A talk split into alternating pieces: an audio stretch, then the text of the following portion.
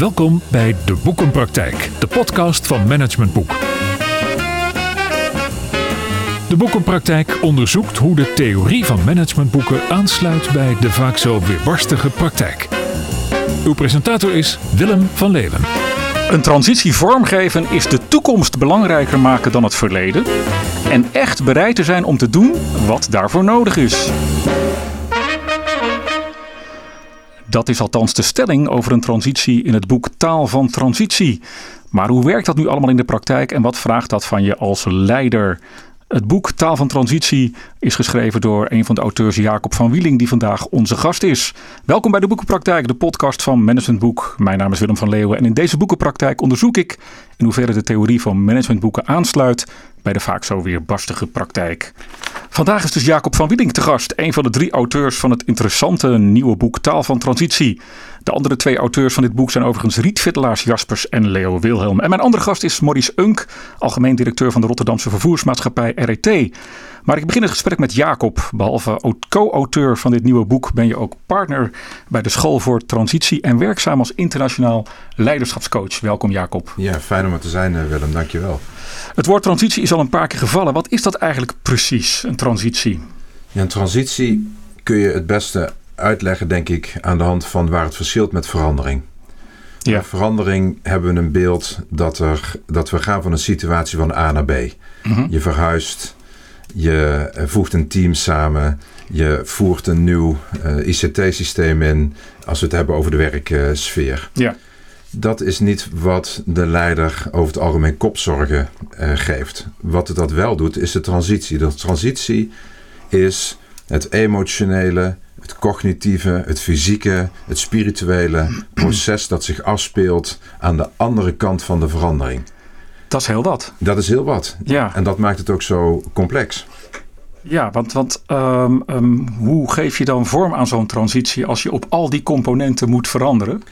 Ik denk dat het allerbelangrijkste is voor de leider om te erkennen dat de verandering niet een nieuw begin inluidt, inluidt maar dat de verandering begint met een einde. Dat moet je even uitleggen hoor. Ja, dus klassiek waar een verandering stroef gaat of vastloopt, is het idee dat als we mensen mee willen nemen in een verandering, dat we een lonkend perspectief moeten bieden. Mhm. Dat we een visie moeten hebben op de toekomst. En dat het het belangrijkste is om mensen daar zo snel mogelijk enthousiast voor te krijgen. Vanzelfsprekend is een visie op de toekomst ongelooflijk van belang. Ja.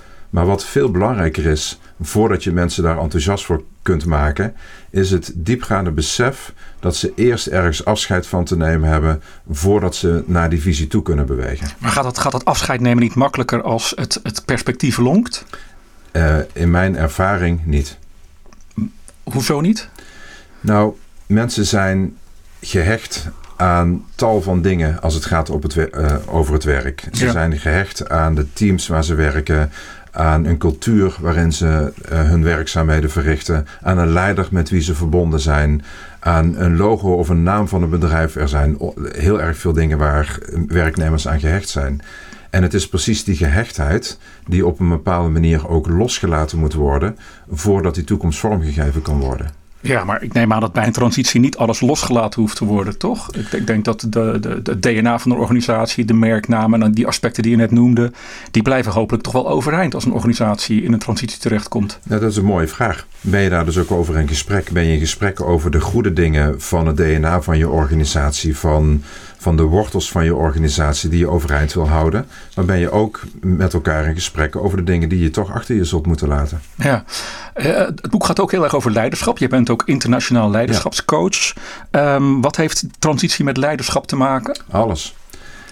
In de ja, dat is een, bij jou en bij mij een glimlach. Alles omdat als een leider die transitie vorm wil geven, dan dient hij ook in een staat te zijn dat hij anderen kan inspireren om in die verandering mee te gaan. Ja. Dus een leider die niet inspireert, die kan geen verandering leiden. Die kan misschien heel goed veel dingen managen, maar hij zal ze ook willen leiden. Dus mensen moeten ook het vertrouwen hebben dat jij ook de vrouw of de man bent die ze ook daadwerkelijk mee kan nemen. Maar die leider zit daar omdat hij waarschijnlijk wel een inspirerend persoon is. Nou ja, dat zou je hopen.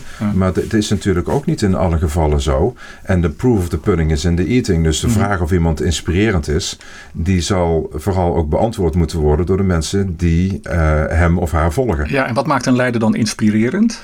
Nou, ik denk dat de leider die inspirerend is, die is ook in staat om te weten waar hij zelf vandaan komt die ook zijn eigen wortels kent. Die ook weet hoe hij zelf geïnspireerd wordt, hoe hij zelf geïnspireerd is. En die ook in staat is om naar zijn eigen levenslijn te kijken en te zien wat ook momenten zijn geweest, wat ervaringen zijn geweest die hebben bijgedragen aan geïnspireerd zijn. Maar die ook onderzoekt wat ervaringen zijn die misschien hebben gemaakt dat hij soms niet zo geïnspireerd is. Hmm, mooi. Ja, we gaan er zo even over door, maar ik wil die eigenlijk eerst even nog Ehm, wat stellingen voorleggen om te kijken hoe jij naar die transitie kijkt. Ja, ik ben ik, uh, ik, ik, geef je drie stellingen en in eerste instantie wil ik alleen even vragen, Jacob, om het eens of oneens te beantwoorden. En daarna gaan we er vast nog wel even wel dieper op in. De kwaliteit, dat is stelling 1, de kwaliteit en dus het succes van een organisatietransitie is 100% beïnvloedbaar. Ik neig meer nou richting eens. Eens, oké. Stelling 2. Als leiderschapscoach moet je zelf drama's in je leven hebben meegemaakt. Anders weet je niet waar je over praat als het gaat om een transitie. Oneens. Interessant. En stelling 3. De toekomst belangrijker maken dan het verleden is iets wat wij mensen zo moeilijk vinden omdat onze conditionering ons in de weg zit. Klopt. Ja, die derde stelling hebben we het eigenlijk al een beetje gehad, over gehad. Hè? In, in relatie tot het afscheid nemen. Ja. Ehm, even naar die eerste stelling. De kwaliteit en dus het succes van een organisatietransitie is 100% beïnvloedbaar. Je twijfelde even en toch zei je eens. Kan je dat toelichten? Ja, omdat het in ieder geval niet oneens is. Dat zou namelijk uh, betekenen dat je niet geloof hecht, diepgaand geloof hecht aan het effect wat leiderschap heeft bij een organisatieverandering. En dat geloof heb ik wel degelijk. Mhm. Dus je kunt een cultuur in een organisatie diepgaand beïnvloeden. Je kunt um, daar succesvol in zijn. En keer op keer, welk onderzoek je er ook bij neemt, komen we tot de conclusie dat de bijna allerbelangrijkste factor daarin leiderschap is. Maar waarom lukt dan 70% van de organisatieveranderingen niet? Ja, daar schrijven we in het boek uitvoerig over. Dat is precies omdat de leider keer op keer het een uitdaging vindt. En er zijn heel veel factoren voor aan te wijzen, ook vanuit de breinwetenschap. Maar keer op keer vindt een leider het moeilijk om precies zich te begeven in dat veld van die emoties die ook gepaard gaan met verandering. Mhm. Ons brein haat pijn. Ja. Wij zijn van nature niet geboren om het prettig te vinden, aangenaam te vinden, om ons in dat emotionele veld te begeven. Dat is iets wat we moeten leren. En als we dat moeten leren, dat betekent ook dat leiders daarin voor moeten gaan, ook vertrouwen kunnen wekken in die organisatie, dat het, dat het gezond is, dat het er niet alleen bij hoort, maar dat het gezond is en dat het noodzakelijk is om daar naartoe te bewegen en met elkaar over een dialoog te komen. En dan is die cirkel eigenlijk weer een beetje rond, want dan moet je wel een leider hebben die zelf die pijn heeft meegemaakt, die die krasjes op zijn ziel heeft. Ja, nou, dus dat die krasjes op zijn ziel heeft, dus een, een leider hoeft niet dramatische gebeurtenissen te hebben meegemaakt om een goede leider te zijn. Dat, dat, dat, dat is vanzelfsprekend niet waar, maar een leider moet wel in staat zijn om te proeven hoe zijn eigen leven hem ook gevormd heeft. En hoe ook hij inderdaad omgaat met pijnlijke gebeurtenissen. En dit is een ongelooflijke blinde vlek voor heel veel leiders. Maar hoe kun je nou, uh, dat is ook een beetje in relatie tot die tweede stelling, als leiderschapscoach moet je zelf drama's in je leven hebben meegemaakt, anders weet je niet waar je over praat als het gaat om een transitie. Hoe kun je nou zeg maar, jezelf getraind hebben om, om met, een, met een ingrijpende verandering om te gaan als je hem zelf niet hebt meegemaakt? Nou, door, door te oefenen. Door waar, waar oefen je dan mee? Nou, je oefent je te verplaatsen in, in de schoenen van een ander. Dus de meeste leiders die ik ontmoet, die zullen van zichzelf zeggen, 99,9%, ik ervaar mezelf als een empathische leider. Mhm, ik ervaar mij als iemand die overwegend goed kan verbinden. Nou, dat is een goed vertrekpunt.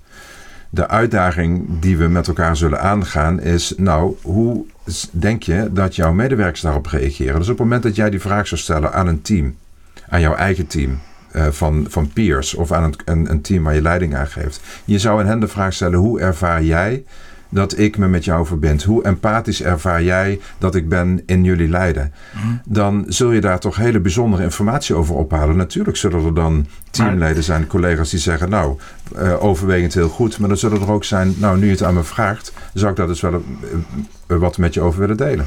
Maar leiding geven is eenzaam zijn, met name op hoog niveau, heb ik wel eens geleerd. Dus er zullen ook heel veel peers zijn die gewoon hun mond houden als je dat vraagt. Of sociaal wenselijke antwoorden geven. Ja, dat klopt wel. Alleen het is een mythe dat, dat leiderschap eenzaam is. Het is oh. een mythe die ook gekoesterd wordt door veel leiders. Ja, ja. Leiderschap is eenzaam in de mate waarin je als leider jezelf inderdaad opsluit. En ook onvoldoende feedback verzamelt om je heen. Want het is dat te weinig feedback verzamelen, te weinig ook vertrouwenspersonen, secure basis om je heen hebben. Met wie je in gesprek kunt gaan die het potentieel eenzaam maken. Ja, dit boek gaat natuurlijk over een uh, transitie. Uh, hoe je dat met name vanuit je leiderschap uh, kunt, kunt, kunt begeleiden, zal ik maar mhm. zeggen. Um, ik ben ook even nieuwsgierig, Jacob. Wat is jouw persoonlijke grootste transitie geweest? Nou, dat is een hele, een hele mooie vraag. Ik denk een van de grootste transities voor mij is geweest dat toen ik getrouwd was, ik ben dit jaar eh, tien jaar getrouwd. Gefeliciteerd. Dankjewel. Uh, ik hoop dat we het aan het einde van het jaar weer een beetje kunnen vieren. ja. uh, met wat mensen om ons heen. En een van de dingen die voor mij pijnlijk was, is dat ik met mijn vrouw graag uh, samen kinderen wilde krijgen. Hmm. Dat is ons niet gegeven. Ik heb een geweldig lieve stiefdochter, daar ben ik heel gelukkig mee. Ja. En ik had zelf graag kinderen willen krijgen. En het feit dat dat uh, ons niet gegeven was en dat het mij niet gegeven was om vader te worden, dat heeft mij heel erg uitgedaagd rondom die vraag van mijn identiteit. Wie ben ik dan? Ja. Wie ben ik als mens? Wie ben ik als vader? Uh, tel ik dan wel mee uh, op het moment dat, dat ik zelf geen, geen vader ben en ik doe ook heel veel werk met mannelijke leiders. Dat maakte me onzeker. Mm En ik wist dat die onzekerheid, dat ik die aan moest kijken om ook zelf in mijn kracht te kunnen staan, om, om een vreugde te kunnen ervaren. Ja, en als je zegt, ik, ik, ik leerde om die onzekerheid aan te kijken, kun je daar iets meer over zeggen? Ja, zeker. Het betekent dat ik, dat ik in, in de aanwezigheid van anderen en, en daar zelf ook een begeleiding bij heb gezocht en ook mannen om me heen heb verzameld, om ook te erkennen dat het een diepgaande pijnlijke ervaring voor mij is. Ja. En dat ik al mijn mechanismen van rationaliseren uh, en, en, theoretiseren erop los kan laten. Maar dat biedt geen uitweg. En dat je ook met elkaar moet kunnen spreken en moet kunnen erkennen over het feit dat het een pijnlijke ervaring is die je ook vormt. Ja. Want dat is uiteindelijk de vraag, ook voor leiders. Wat zijn de pijnlijke ervaringen in je leven? Wat zijn die pijnlijke gebeurtenissen? En hoe hebben ze jou gevormd tot de man of vrouw die je bent? Hoe heeft zo'n pijnlijke ervaring uh, waar je zo mooi zelfontwillend over bent. Dank je wel overigens daarvoor dat je dat deelt.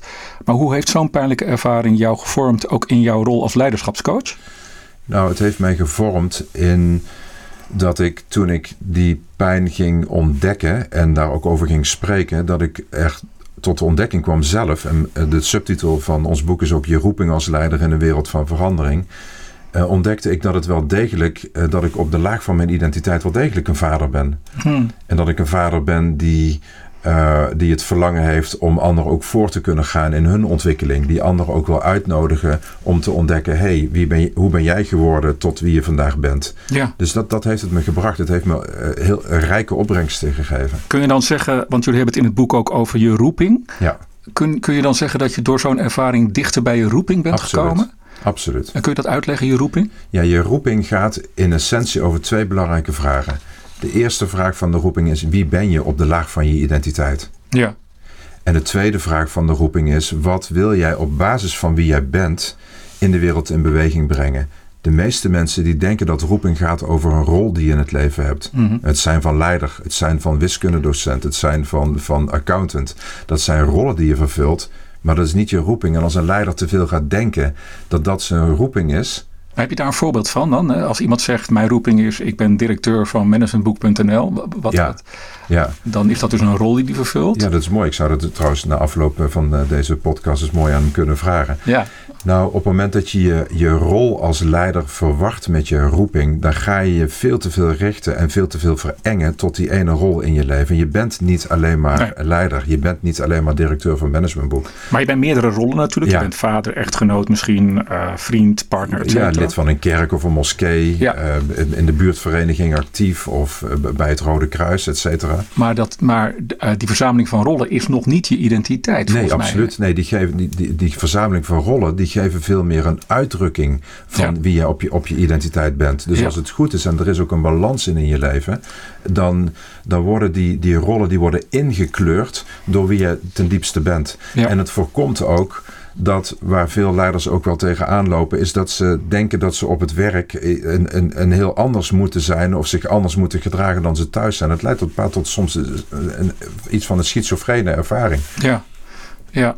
Ja, ik moet dan wel even denken, volgens mij zijn we allemaal wel toch heel erg geprogrammeerd in het ons aanpassen aan de omgeving. Absoluut.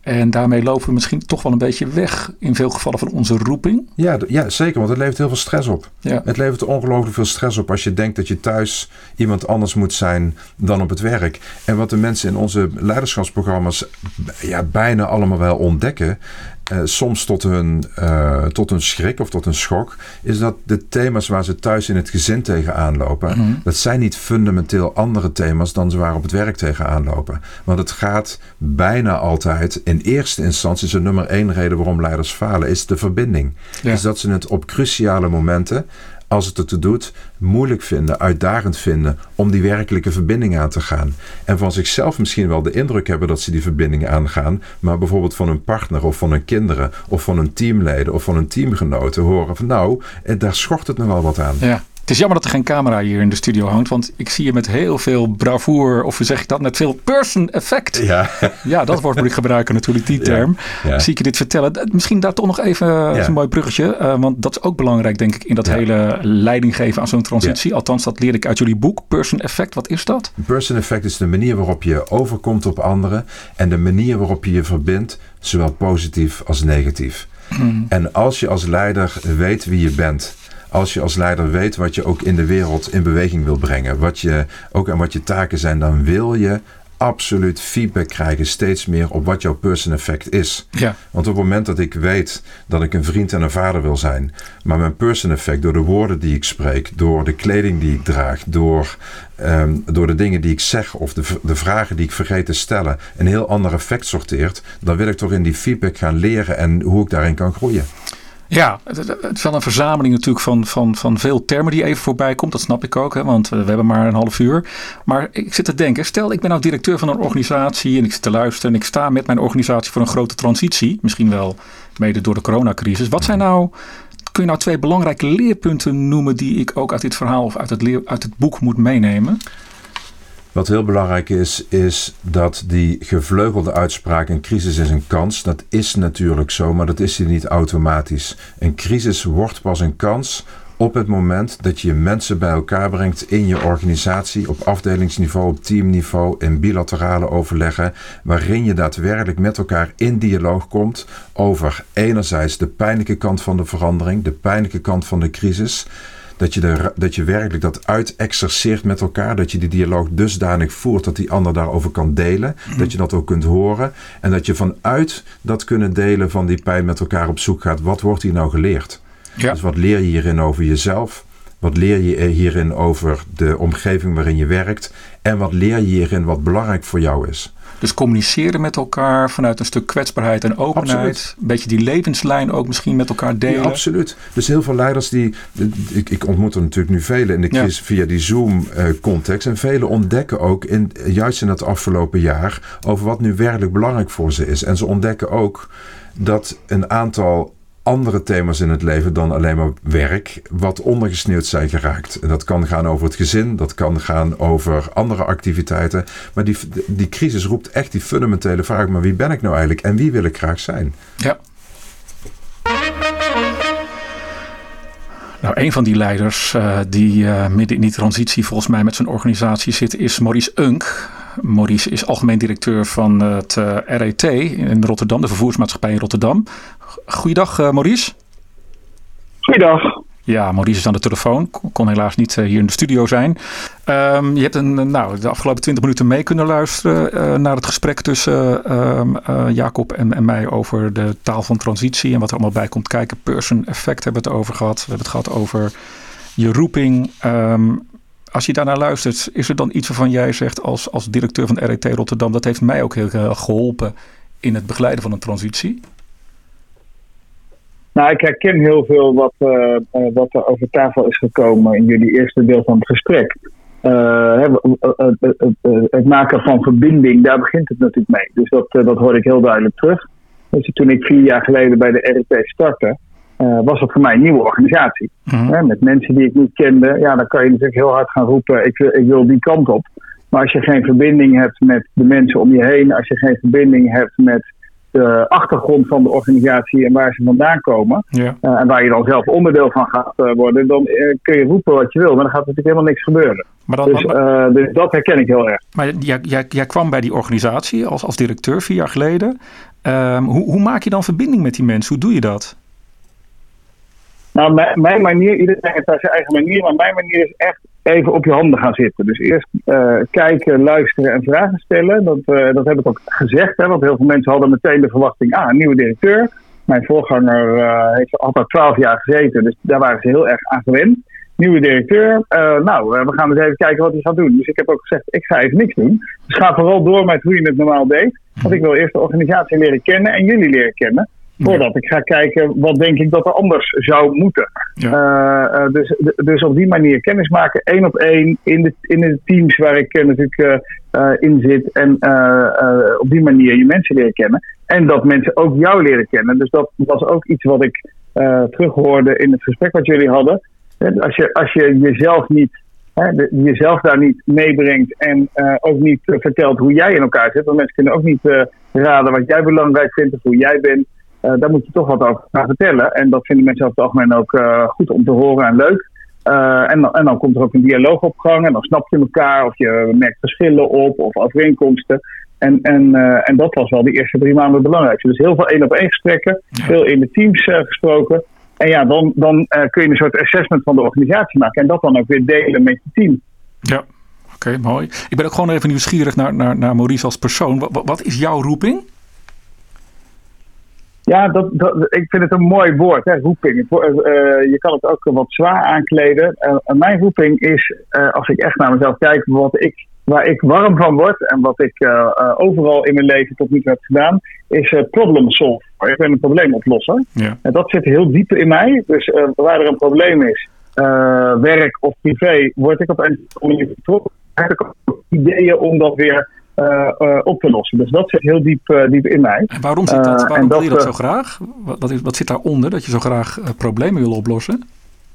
Nou, dat is, dat is iets, en dat zit natuurlijk, als je ver terugkijkt in het, in het verleden, is dat iets waar ik, waar ik blijkbaar goed in was. Dus waar ik bijgehaald ben, wat ik leuk vond, waar ik goed in het organiseren en oplossen van, van zaken. En dat heb ik eigenlijk mijn hele leven gedaan, vanaf mijn basisschool in het gezin, uh, in, op mijn middelbare school heel veel dingen uh, daarin gedaan. In de studententijd. Nou, dan rol je in werk en dan zie je, hé, hey, maar dit is gewoon leuk. Dat zijn de dingen waar ik, waar ik blij van word. Een soort tweede natuur of zo. Ja, ja, ja. zoiets. Ja. Um, heb jij ook nog een, een, een, vraag of een casus, probleemstelling, iets in die trant voor, voor Jacob? Hm. Nou ja, wat, als ik het zo hoor, dat klinkt allemaal heel, uh, op zich heel logisch. Uh, maar uh, de vertaling naar de praktijk is natuurlijk altijd weer barsten.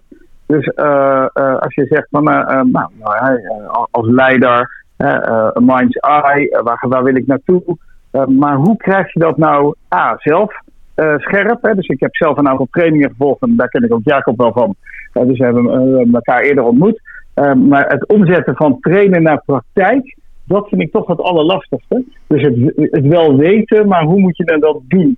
En dat, uh, uh, nou, dat zou denk ik mijn vraag zijn aan Jacob. Van, hoe kijk je daar nou naar en hoe zijn je organisaties die je daarbij helpt, of mensen die je daarbij helpt, wat geef je die daarop mee? Van de, de theorie en het, en het leren in een veilige omgeving naar de, de, de realiteit.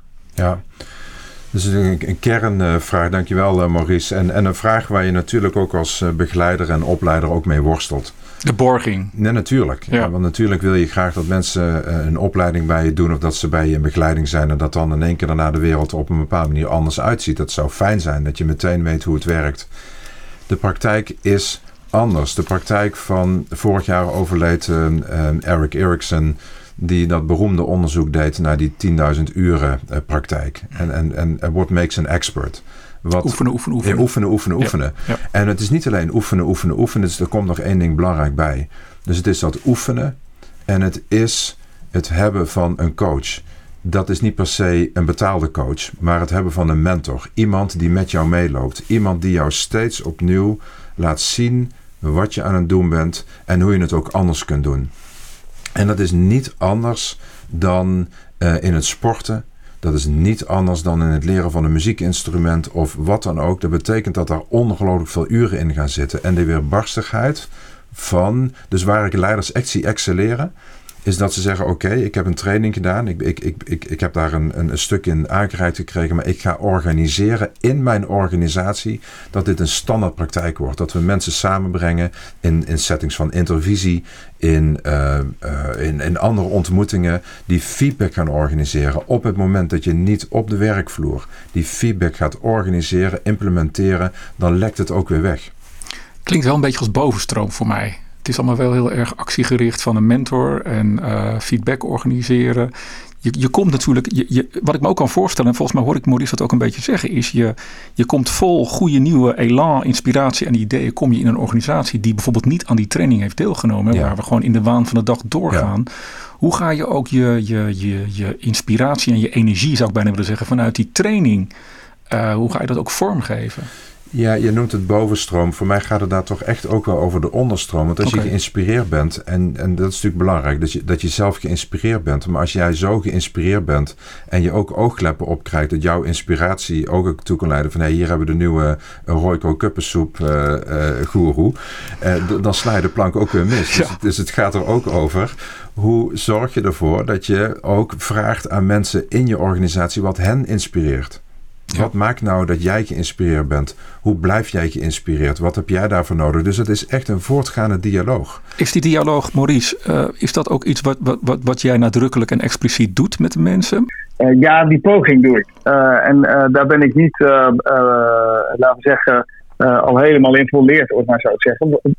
er zijn er twee dingen die ik daarover zou kunnen of willen zeggen. Eén is uh, corona heeft daar niet mee geholpen. Ik merk dat ik de dialoog in een scherm echt veel moeilijker vind. Ook al kan die, want dat heb ik ook geleerd afgelopen jaar. Maar ik vind hem veel lastiger dan dat je face-to-face met mensen zit of in een ruimte met een team zit en daar die dialoog voeren. ik vind het echt gemankeerd.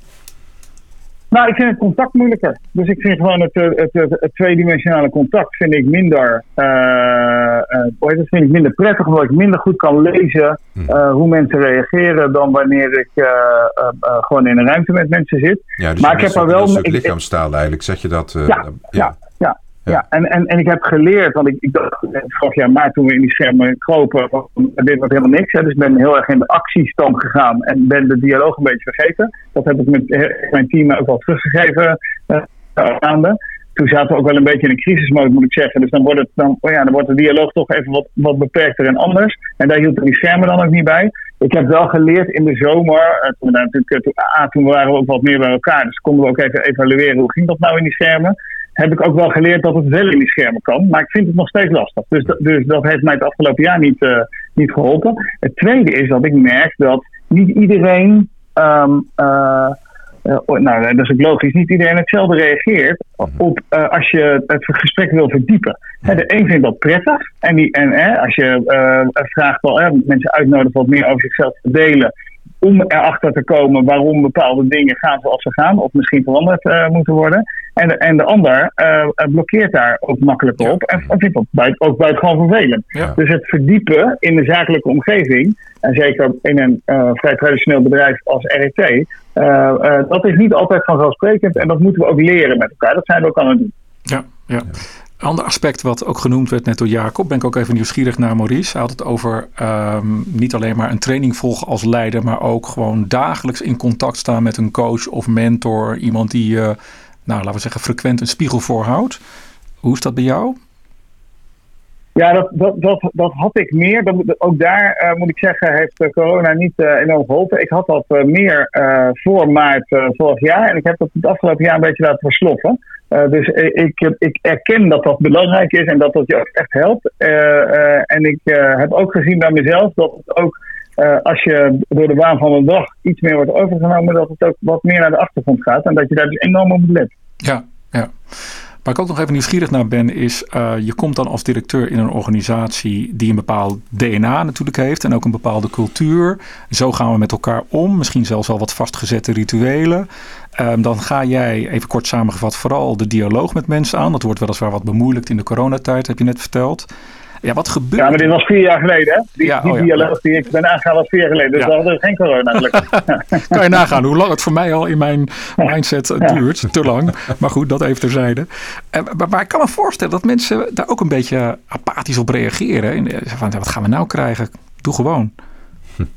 Uh, nou, dat doe ik gewoon, heb ik niet zo gemerkt. Wel, wel dat, uh, dat ligt heel erg aan de cultuur van het bedrijf. RET uh, was en is dat nog steeds in zekere zin een heel hiërarchisch bedrijf. Dus dat betekent dat, het, dat er heel erg naar boven wordt gekeken, naar de directie in dit geval. Dan doe ik bewust doe ik even het woord naar boven. van ja, zij moeten maar bepalen wat we gaan doen. en wat ik heb geprobeerd, en dat, dat merkte ik bijvoorbeeld hè, in die eerste ontmoetingen die ik had met mijn topmanagement. Zijn 25 mensen die de afdelingen leiden, inclusief de directie. Eh, dat ik uh, bijna geen vraag kreeg in de eerste uh, ontmoeting die ik met ze had. Dus ik had verteld over mezelf en wat ik belangrijk vond. Ik had al die mensen overigens al één op één gesproken. En toen kwamen er bijna geen vragen. Dus iedereen had iets, nou, we luisteren. Oké, hij heeft wat verteld, kwamen twee of drie obligate vragen. En toen was iedereen blij dat de meeting werd opgeheven. Toen heb ik dat natuurlijk geëvalueerd met een paar mensen. Van wat is daar nou aan de hand? Ja, dat was me niet gewend. Ja. Mijn voorganger was uh, veel duidelijker. Die kende overigens iedereen ook goed, want uh, die was al twaalf jaar binnen. Die had ongeveer iedereen ook naar binnen gehaald. Uh, en die, was, die had veel meer de stijl van: ik zeg gewoon hoe het hier gaat. en, en mensen luisterden dan en gingen dat doen. Dus de eerste mensen die bij mij binnenkwamen met een probleem, zeiden ook: Dit is een probleem. Ja. Ik zeg: Ja, ik zie dat het een probleem is. En, en toen bleef ze stil. Ik zeg: Ja, en nu? Ja, dat moet jij zeggen. Ik zei: Ja, ik zit hier net twee weken. Hoe ga ik dat dan zeggen? Wat zouden jullie voorstellen? Dus, nou, en, en ik, wat ik heb wel heb gemerkt de afgelopen jaren, is dat we hebben echt een debat gekregen. Dus het is mooi om te zien dat mensen nu ook, dus, deels dezelfde mensen, deels zijn natuurlijk ook in de afgelopen vier jaar mensen vertrokken, zijn andere dingen gaan doen, zijn mensen doorgeschoven. Maar er is wel echt een gesprek uh, als het nu over, uh, over problemen gaat. En het is niet meer, uh, we kijken allemaal naar de, naar de hoogste directeur en die gaat wel vertellen wat we gaan doen. Mooi. En dat is denk ik een belangrijke verandering van de afgelopen jaren. Ja. Die moeten we nu nog verder de organisatie inbrengen. Ja. wanneer is nou um, zo'n transitie geslaagd? Ja. als, je dat dan, als je dat dan vraagt aan mij? Ja, kan allebei. In de praktijk? Ja? Nee, nou, ik, ik, ik, zal starten en Jacob heeft daar vast ook uh, woorden uh, over. nou, voor mij is die transitie geslaagd. Dus ik, ik, merk nu, we zitten. mijn transitie in het bedrijf was van een top-down geleid bedrijf naar een bedrijf waarbij de verantwoordelijkheid steeds lager de organisatie in kan. Hm. Omdat een directie met vier personen uh, nooit van 3500 mensen kan bepalen wat goed is. In mijn ogen, hè, dat is mijn spel. Dus ik wil dat, die, uh, dat, dat uh, management, maar ook bij wijze van spreken de monteurs en de buschauffeurs, uiteindelijk gaan bijdragen aan hoe lossen we nou problemen op. En dat doen we nog te weinig. We zijn daar, op, we zijn daar nu op de helft. Hè, dus wat ik vertelde, het debat ligt al lager in de organisatie. het moet nog lager in de organisatie. We moeten de, de mensen op de werkvloer echt nog veel meer in de gelegenheid stellen om met hun ideeën, die over het algemeen heel goed zijn als ik ze spreek, te laten komen, zodat we dat ook kunnen oplossen. En dat, in plaats van dat wij alles voorschrijven zij het moeten doen. Zodat mensen ook zich serieus genomen voelen en minder in de hiërarchische verhouding gaan zitten. Ja, nou, hij is voor mij geslaagd. Als, ja. als ik over een aantal jaar wegga en we, en we hebben daar, en, en een monteur zegt tegen mij, ik had een goed idee en we hebben dat hier in deze werkplaats van opgelost, zonder dat ik erbij betrokken ben geweest, dan hebben we het goed gedaan. Ja, is heel concreet eigenlijk. Maar wat is daar ja. um, zo'n heel concreet resultaat, bijna eh, observeerbaar? Wat, wat moet ik beschrijven? Wat is daarvoor nodig om dat te bereiken? Nou, ik denk alles waar we het de afgelopen half uur over hadden met elkaar. En ik zou erg aansluiten bij wat Maurice daar ook over zegt. Want dat hij beschrijft voor mij roept een sfeer op van mensen die, uh, die zich vrij voelen. Mensen die spelen in de organisatie. Dus wanneer is een transitie geslaagd voor mij, gaat dat over dat je vreugde ervaart, grosso modo. Dat, je, dat je op het werk komt en dat natuurlijk is niet elke dag het paradijs. Dat is het voor niemand in ons leven. Maar dat je ook naar de werkplek gaat en dat je voelt dat je daar geïnspireerd kunt zijn. Dat het een prettige plek is. Dat de menselijke maat daar overheerst. Ja. Dat je het goed hebt met elkaar en dan vanuit dat goede met elkaar. Waarin, ook die, waarin er conflicten kunnen zijn. Want conflicten zijn een teken van een gezonde organisatie waarin die verbinding er is, het plezier er is, dat je vanuit daar, vanuit dat platform, met elkaar prachtige resultaten bereikt. En dat, dat betekent voor mij geslaagde transitie. Mooi, heren. Jacob van Wielink en Maurice Unk, dank jullie wel voor jullie deelname en uh, inbreng aan deze podcast. We moeten het hierbij laten. Ik heb nog heel veel vragen, maar er komt misschien nog wel eens een keer een vervolg. Komt er sowieso nog een vervolg op het boek? Nou, die, die vraag die, die komt al uh, van uh, verschillende kanten. Het staat in ieder geval op de shortlist. Ja, het staat op de shortlist. Dus het zijn spannende weken voor ons als auteurs. En ja, zeker komt er een keer een vervolg. Oké. Nou, we hebben weer iets meer geleerd over uh, transities in organisaties en ook over je roeping als leider in een wereld van verandering. Ik uh, wil jou graag uh, verder verwijzen als luisteraar van deze podcast aflevering naar de volgende aflevering. Die staat over twee weken weer op alle grote podcastkanalen en ook daarin spreken we natuurlijk weer met een auteur over zijn of haar opmerkelijk recent verschenen managementboek en plotten we de strekking van dit boek op een actuele vraag of casus uit de praktijk. Rest mij je hartelijk te danken voor het beluisteren van deze podcast. Heb je vragen, opmerkingen of suggesties? Mail dat dan SVP naar info.managementboek.nl. We zitten verlegen om feedback, dus graag naar info.managementboek.nl. Tot zover de praktijk van boeken. Kijk voor meer afleveringen of een abonnement op de boekenpraktijk op managementboek.nl/slash podcast. Je vindt ons ook op Spotify, Apple Podcast, Google Podcast en Soundcloud. Hartelijk dank voor het luisteren en graag tot de volgende podcast.